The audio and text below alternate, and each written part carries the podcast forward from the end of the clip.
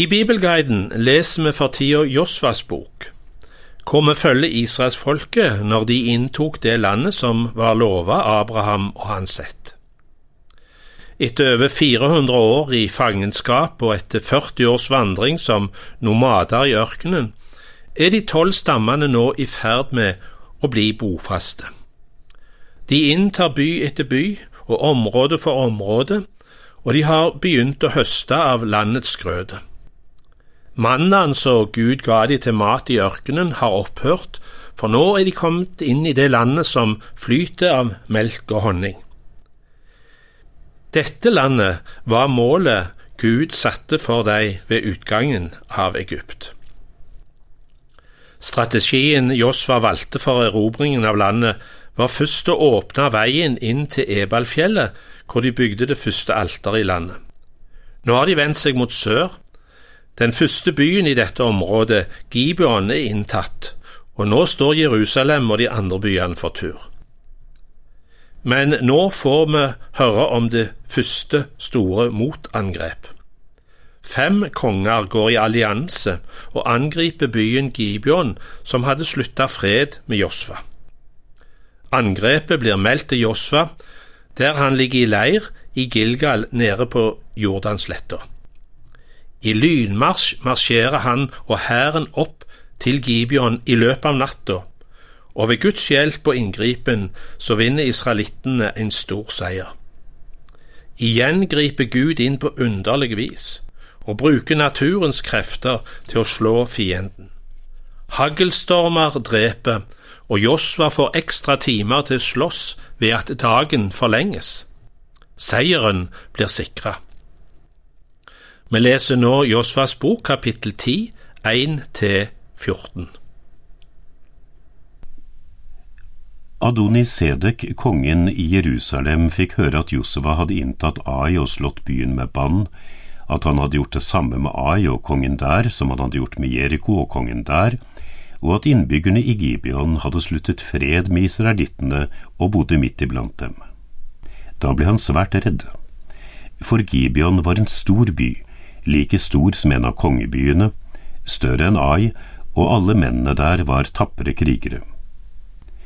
Adonisedek, kongen i Jerusalem, sendte derfor bud til Hoham, kongen i Hebron, til Piram, kongen i Jarmut, til Jafia, kongen i Lakish, og til Debir, kongen i Eglon, og sa, Kom opp og hjelp meg så vi kan slå Gibeon. For de har sluttet fred med Josfa og israelittene. De fem amorittkongene, kongene i Jerusalem, Hebron, Jarmut, Lakish og Eglon, samlet seg da og dro dit opp med hærene sine. De beleiret Gibeon og gikk til angrep på byen. Da sendte mennene i Gibeon bud til Josva i leiren ved Gilgal og sa, Slå ikke hånden av tjenerne dine, skynd deg opp, berg oss og hjelp oss. For alle amorittkongene som bor i fjellandet, har slått seg sammen mot oss. Josva dro da opp fra Gilgal sammen med hele hæren, alle de tapre krigerne. Herren sa til Josva, Vær ikke redd for dem, jeg overgir dem i dine hender ikke én av dem skal greie å holde stand mot deg. Josva kom uventet på dem etter en hel natts marsj fra Gilgal. Herren skapte forvirring i rekkene da israelittene kom, og de påførte fienden et stort nederlag ved Gibeon. Siden forfulgte israelittene dem på veien oppover mot Bethoron, helt til Aseka og Makeda, og hogg dem ned. Da de hadde flyktet for israelittene og var kommet til bakken ned fra Bet-Horon, kastet Herren store steiner nedover dem fra himmelen, hele veien til Aseka, så de døde. De som ble drept av haglsteinene, var flere enn de som israelittene drepte med sverd. På den dagen da Herren ga amorittene i israelittenes hånd, talte Josva til Herren. Han sa, i israelittenes nærvær, sol stå stille i Gibeon, måne i Ayarons dal. Da sto solen stille og månen stanset, til folket fikk tatt hevn over sine fiender. Slik står det skrevet i Den rettskafnes bok. Solen stanset midt på himmelen, og den skyndte seg ikke med å gå ned før en hel dag var til ende. Aldri har det, verken før eller siden, vært en dag som denne, da Herren bønnhørte en mann slik. For Herren førte krig for Israel. Så skal vi videre høre hva som skjedde med de fem kongene som gikk i allianse for å vinne tilbake Gibeon. Det er ikke akkurat lystelig lesning, dette. Men slik viste Gud sin vrede over synden og lærte folket å frykte Han, og landet blei åpna for de nye innbyggerne, akkurat ifølge Guds plan. Vi hører Josvas bok, kapittel 10, vers 14 til 27.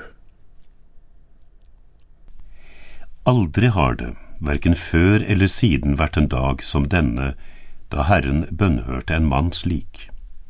For Herren førte krig for Israel. Så vendte Josva og hele Israel med ham tilbake til leiren ved Gilgal. Men de fem kongene flyktet og gjemte seg i hulen ved Makkeda. Da Josua fikk vite at de fem kongene var funnet, og at de hadde gjemt seg i hulen ved Makkeda, sa han, velt store steiner foran inngangen til hulen og sett noen menn til å holde vakt over dem. Men selv må dere ikke bli der. Forfølg fiendene og hugg dem ned. La dem ikke komme inn i byene sine, for Herren deres Gud har overgitt dem i deres hender. Josva og israelittene påførte dem et stort nederlag og gjorde ende på dem. Bare noen få overlevde og kom seg inn i de befestede byene. Så vendte hele hæren i en god behold tilbake til Josva i leiren ved Makkeda. Ingen våget å bruke skarpe ord mot israelittene. Så sa Josva, Åpne inngangen og før disse fem kongene ut av hulen til meg.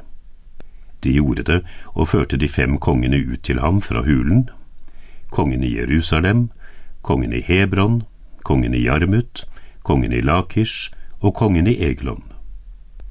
Da de hadde ført kongene ut til Josva, kalte han alle mennene i Israel til seg og sa til hærførerne som hadde fulgt ham, Kom hit og sett foten på nakken til disse kongene og de kom fram og satte foten på nakken deres. Josva sa til dem, Vær ikke redde og mist ikke motet, vær modige og sterke, for slik vil Herren gjøre med de fiendene dere kommer i strid med. Deretter hogg Josva dem ned. Han drepte dem og hengte dem opp på fem trepåler, og de ble hengende på pålene til kvelden kom. Ved solnedgang ga Josva ordre om at de skulle tas ned fra pålene og kastes inn i hulen der de hadde gjemt seg. Det ble lagt store steiner foran åpningen til hulen, og steinene ligger der den dag i dag. Så kommer det en opplistning av de slagene som ble utkjempa i landet i sør. I tillegg til byene til de fem alliansekongene blir òg andre byer nevnt. Makeda, Libna, Lakish, Eglon, Hebron og Debir. Og kongene i Geser går ut mot Josfa, men blir slått. Dette viser hvor nøyaktig Josfa er i sine nedtegnelser av historien. For hver by gjentas det samme. Byene blir ødelagt og innbyggerne drept.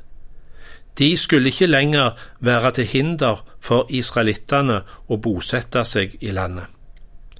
Vi leser ikke alle disse listene som er en gjentagelse kun med små variasjoner, men hører oppsummeringen av kampene sør i landet i versene 40 til 43 i kapittel 10. Josva tok hele landet, både fjellandet, Negev, lavlandet og liene og alle kongene der. Han lot ingen overlevende bli igjen. Alt levende slo han med bann, slik Herren Israels Gud hadde påbudt. Josva tok alt landet fra Kaders Barnea til Gaza og hele Gosenlandet til Gibeon. I ett og samme felttog slo han alle kongene der og tok deres land. For Herren, Israels Gud, kjempet for Israel. Så vendte Josva og hele Israel med ham tilbake til leiren ved Gilgal. Den sørlige delen av landet var nå under kontroll, og fase to i erobringen var fullført.